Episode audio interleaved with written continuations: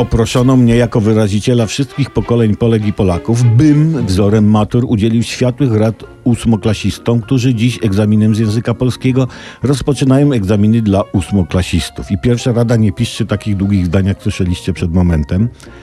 A teraz inna rada i jednocześnie radosna informacja dla ósmoklasistów. Nie idźcie na egzamin, bo nie musicie. Olać to. Na pełnej powadze się wysławiam. Jest luka prawna, którą dla was wykminiłem. Otóż notujcie.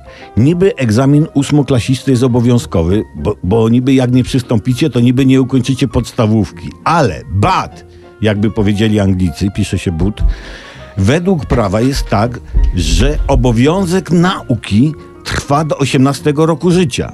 Musicie się uczyć do osiągnięcia pełnoletności. Podstawówkę kończycie w wieku 14-15 lat, więc musicie naukę kontynuować jeszcze przez 3-4 lata. To jak nie pójdziecie na egzamin, to coś z wami będą musieli przez te 3-4 lata zrobić. Nie inaczej. Do jakiejś szkoły będą was musieli przyjąć albo zostawić w podstawówce. Ale jak wszyscy, drodzy ósmoklasiści, nie pójdziecie na egzamin, to wszystkich was do cholery nie zostawią w tej podstawówce. To chyba jasne. Kochani, w kupie siła. I o tym jest właśnie pan Tadeusz, gdyby ewentualnie był dzisiaj na egzaminie.